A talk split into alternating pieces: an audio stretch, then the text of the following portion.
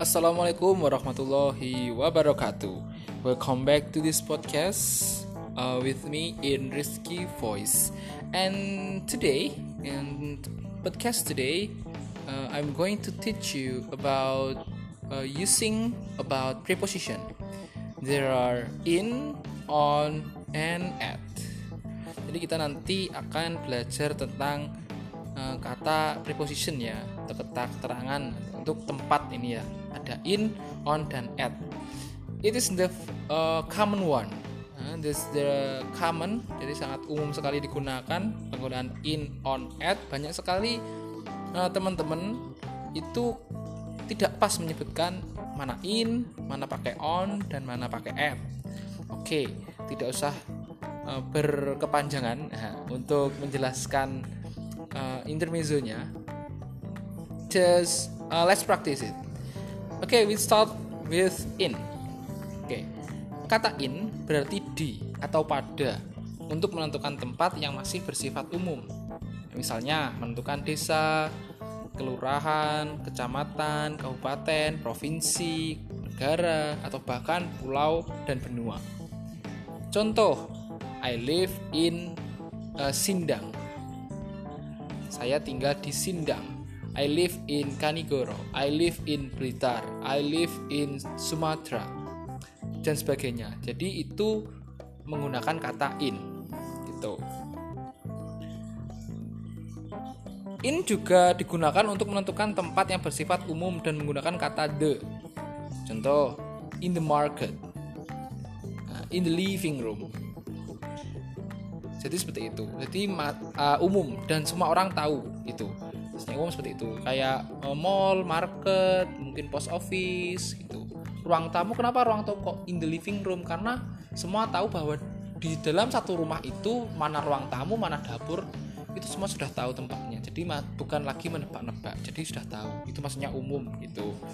Nah juga bisa digunakan in itu adalah posisi tempatnya itu di dalam itu jadi di, maksudnya di dalam ada ada batas uh, yang mengelilinginya. Contoh, semisal di dalam kelas.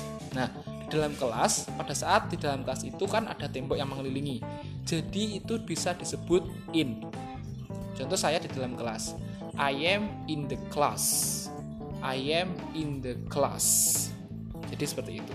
I am in the room. I am in the bathroom. I am in the um, office. Nah berarti di dalamnya. Jadi seperti itu. Dan lanjut kata on. On juga berarti di atau pada untuk menentukan waktu yang tidak umum. Tetapi agak spesifik artinya bisanya dengan bertanya pada orang yang ber, uh, ada di alamat ya. Di alamat tempat yang dimaksud sudah bisa ditemukan. Misalnya menentukan jalan. Nah jalan ini pakai on.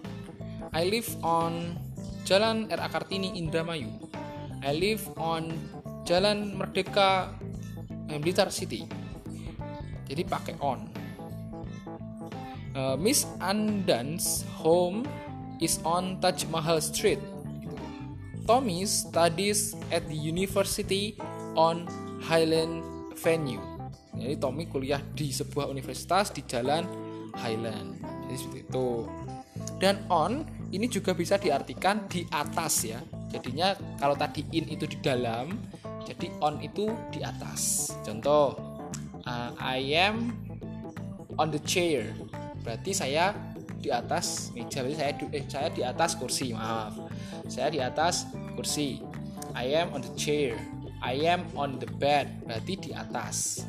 My phone is on the table. Ponselku ada di atas meja. Maksudnya di atas di sini jangan disalahartikan bahwa bendanya mengambang, tetapi tidak, dia menempel. Berarti my mobile phone is on the table. Jadi HP ku atau ponselku berada di atas meja. Berarti ponselku itu tepat di atas meja, tidak mengambang di atasnya meja. Itu itu penggunaannya on. Jadi jangan salah ya menggunakan on dan in. Nanti ditakutkan salah lagi. Ini malih jadi seperti ini. I am uh, contoh ada orang tanya where is uh, Mr. Andre where is Mr. Andre di mana Mr. Andre terus kalian kalian mau apa menjawab kan mau menjawab dia di kelas lah malah diganti harusnya in menjadi on Mr. Andre is on the class berarti on the class berarti dia di atasnya kelas berarti dia di atas genteng mungkin berarti dia lagi manjat genteng berarti kan dia di atas yang betul Mr. Andre is in the class di dalam kelas. Jadi seperti itu untuk pembedaannya on dan in. Dan sekarang at kata at berarti di juga atau pada. Hampir sama kalau arti ya cuma nanti tempatnya yang berbeda. Untuk menentukan tempat yang bersifat spesifik artinya biasanya tanpa bertanya pada orang yang berada di dalam alamat itu pun tempat yang dimaksud sudah bisa ditemukan misalnya menentukan alamat yang lengkap ada kota jalan dan nomor rumahnya. Eh, contoh nanti seperti Pak Tantowi lives at 5 Jalan Cumi-Cumi Pabian Kencana Indramayu. Pak Tantowi tinggal di Jalan Cumi-Cumi nomor 5 Pabian Kencana Indramayu. It's a little bit same ya, hampir sama dengan penggunaannya uh, on.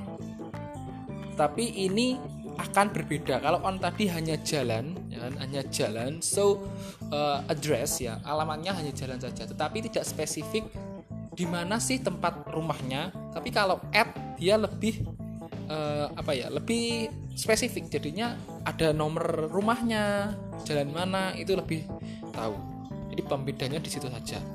Terus kata at juga digunakan untuk menentukan tempat yang juga bersifat lebih spesifik lagi. Artinya tempat yang dimaksud sudah bisa ditemukan. Misalnya at the bus station, at the hospital, at the post office, atau at the crutch.